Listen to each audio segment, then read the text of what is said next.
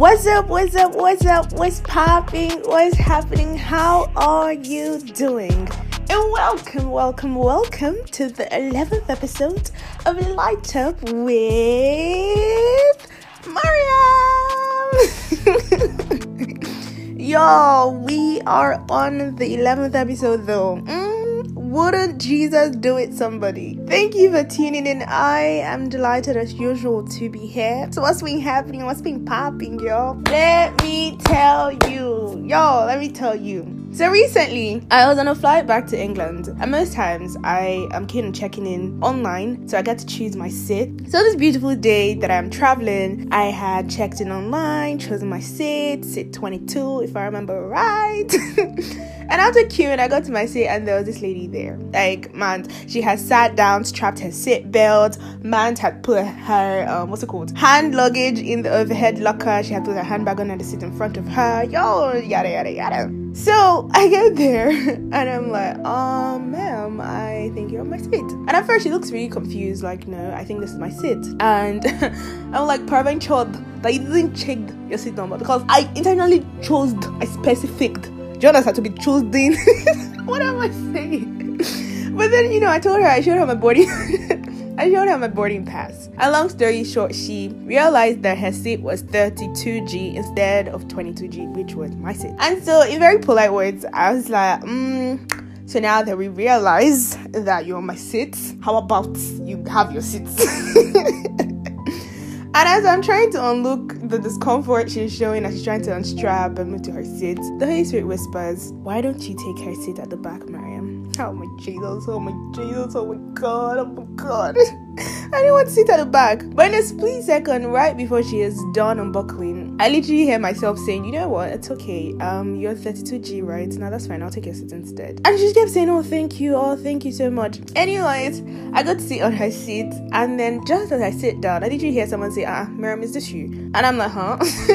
I turn around. And guess who I see? I see one of my sister's best friends, who is literally like a friend of the family now. And I bet you me most part of the flight we banter and we just catch up and just talk, right? Because she's sitting literally right beside me. Now, where's this my story headed to? There is a blessing at the end of obedience, right? I mean, well, in this scenario, it didn't cost me too much moving to her seat. Maybe I was behind on the queue, but then it's nothing compared to the blessing of meeting Timmy and just catching up, to be honest. So, see, God doesn't give us instructions or directions just to make us uncomfortable and end Nope. God is more tactical.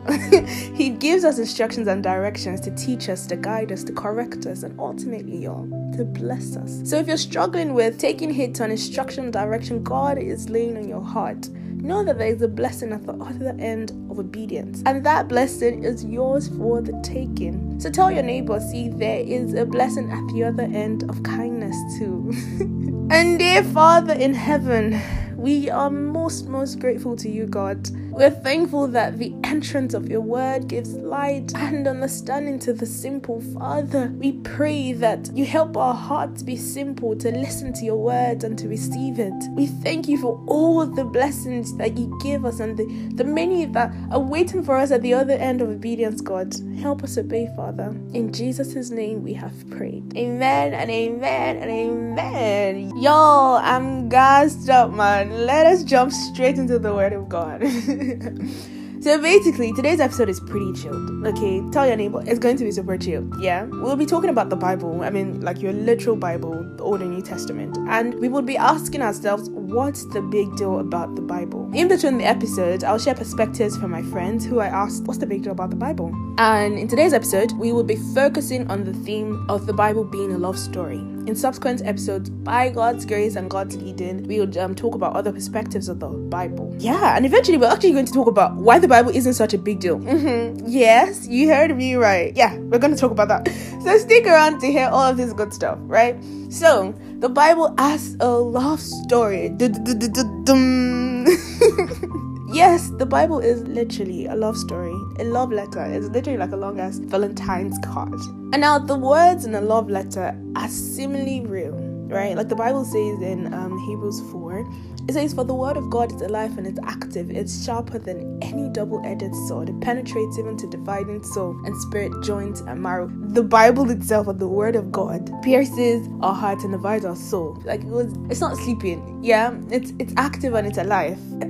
There's a long explanation to the scripture, but then here's what my friend Jada says about the Bible and how the Bible is alive to him and how the Bible is real to him. Forget about church, forget about pastors and everything um, at, at, some point in my life, I was probably going through stuff, and it was just randomly picking up Bible to read, and then it was it was as if the scriptures were actually jumping at me. Like you you can really understand that the scriptures are actually alive. Like it's as if the person who wrote the scriptures was actually probably your country beside you and was writing that for you. So I don't know how to describe it, but the scriptures are like principles are applicable even now. It was written like many many years ago, but it's still applicable now. Now, over time, I've kind of seen a couple of love letters and I've received a few. And I've read a handful of letters too that my friends have received and shared. And I've come to the conclusion that I think most love letters or speeches are usually comprised of three things. Well, perhaps not intentionally and definitely not for everyone or everyone. Yeah, I did there. everyone and everyone. But here's what I think. The love letters usually have three three qualities or three things that comprise it. Firstly, the love letter states what the person thinks about you and how the person sees you. So, for instance, man's be like, "You're cute, you fine, you fire, you flames, you fancy, oh." Blah, Or he may be like, you know, I think you're precious, you're smart, you're special, you're cute, yada yada yada, feeling the God, please. but this is one of the things the Bible tells its readers it tells its readers how God sees you, right? The Bible says that you are loved by the most gracious God. The Bible says you're the righteousness of God. The Bible says you're blessed, you are precious. It says that you're beautifully created in the image of God. It says how God looks at you every time and he thinks, damn, mm, wow, she fine. okay, wait, wait. The Bible doesn't exactly say that, but then the Bible says that you are God's masterpiece, okay? And I think that every artist looks at their masterpiece and be like, damn, mm, she fine. so every time God looks at you, He sees the flawless you, He sees the redeemed you. For every believer, He sees the, the believer without stain, the believer without blemish. He sees Christ, right? So the Bible is a love letter that tells us how God sees us, right? Number two is that love letters usually comprise of promises and evidences of the love they possess. You know this Bruno Mars song, um, Catch a Grenade? Yeah? Do you know? Yes? Well, if you actually don't know, I'm not going to ask you what's been up in your life. I'm not going to ask you where you've been all this while. No, mm-mm. I will restrain from doing that. And I'll just serenade you with a little bit of Bruno Mars's promise, right, to his lover. Are you all ready though? Let's go.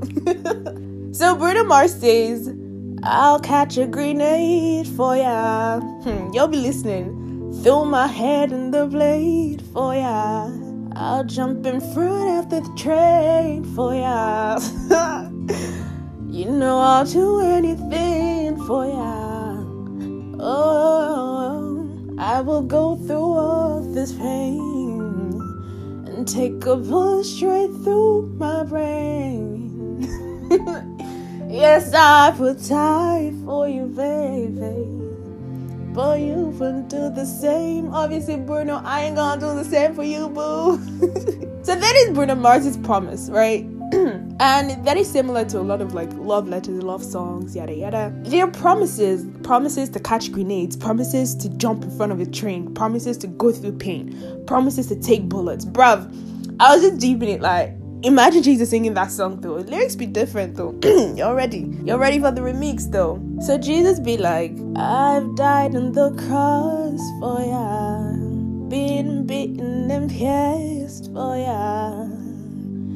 I've gone to hell and back for ya. Conquered sin in the grave for ya. Oh, I have gone through all this pain took bullets straight through my brain. Actually, wait. there ain't bullets then, right? but he says, Yes, I have died for you, baby. So you won't do the same. Woo! Where my fans at? Woo, woo, woo! Go, Miriam! Yeah, Ah, thank you very much. Thank you. that is what God tells us through the Bible. That is largely the Bible. That's the testimony of the Bible. The promises of God, the assurances, the evidences of God's love, right? It testifies of the sacrifices on the cross. It gives the assurance that by the confession of our sins and the receiving of His death on the cross, we receive salvation. See, from the Old Testament, God begins the love story by telling us how far He would go to see us reunited with Him. He sends plagues to the Egyptians when they hold back His people. He provides a cloud of light in the day and pillar of fire at night. See, He sends manna every single morning and ravens for meat to His people. He leads them for many years to the land of milk and honey. He gives laws to show how much He desires to reconcile us with Him. But our flesh flesh constantly disobeys and our sin distances us. See, in the Old Testament, in stories, in the characters, he gives reminders, foreshadows, promises of the redemptive plan of Christ. And the New Testament comes, tada, he sends his son to reconcile us with him. His son literally dies on the cross for us. The Bible says in John 15 13, greater love has no one than this, that someone would lay his life down for his friend. So you can see that this element of the Bible, the promises, the assurances of love, the proof of love, is the death of Christ. And the last characteristic, yo, of a love letter is what the sender desires in return. Right? So this varies. Okay, sometimes the sender could be like, I want you, I want you see them trying, I want you be open to loving me. I want you to give me some more time. I want you to be my girlfriend. I want you be my wife. I want you forgive me. Yada, yada, yada, yada. and I think at this junction, to emphasize the point I'm trying to make, I should a love letter I got about four to five years ago, 20, 2014. Yeah. Please don't ask me why I still have this letter, okay? Because the way my Dropbox is set up, my Dropbox, once you save a picture, it doesn't forgive and forget, okay? So.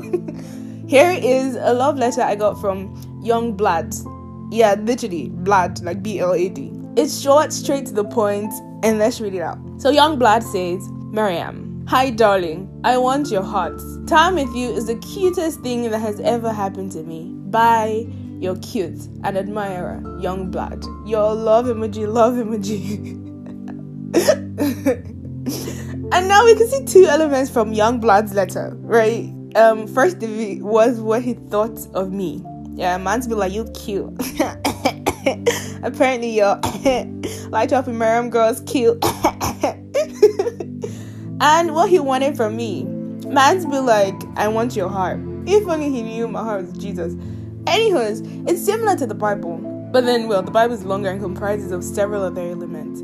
So the Bible literally asks one thing that we receive the love of God. Literally that we believe He sent His Son to show us the greatest form of love and that we believe it. And trust me on this one. Once you understand and receive the love, everything else falls into place you begin to see God from a different perspective. He's no longer the angry, mighty God. He is now, he becomes the Father who is kind, the one who would send his Son to actually die for you while you're yet a sinner. So, in summary, I think my friend JD absolutely encapsulates the Bible in this short message. I've never seen a book that brings different people from all walks of life and gives them a single way to live a book so magical you never need to install an update. I've never seen a book that has sustained so much controversy and still stayed this strong. I'm the quiet type, but this book makes me shout like crazy. Woo! Shimon! Hey, hey! It's a big, big, big deal of a book here. Everything JD said, yes, I agree. and this week's activity is to study the Bible and identify God's love letters scattered all across the Bible. Now, it would be great if you're able to identify an element or two or all of them and tell someone of this love of God. Please share on social media and tag us at Light Up with Miriam. And oh, wait, were you waiting for the song of the week? Yo, I Bruno Mars for you guys though. Mm, I'm your song of the week. How about that? How about that?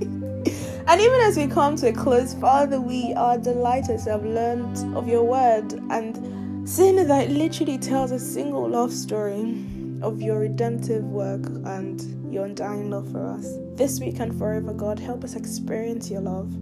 Help us see your love through the pages of your word. Help us be the best reflection of this word to all to see. We love you, Father, and we speak your love to every single troubled heart.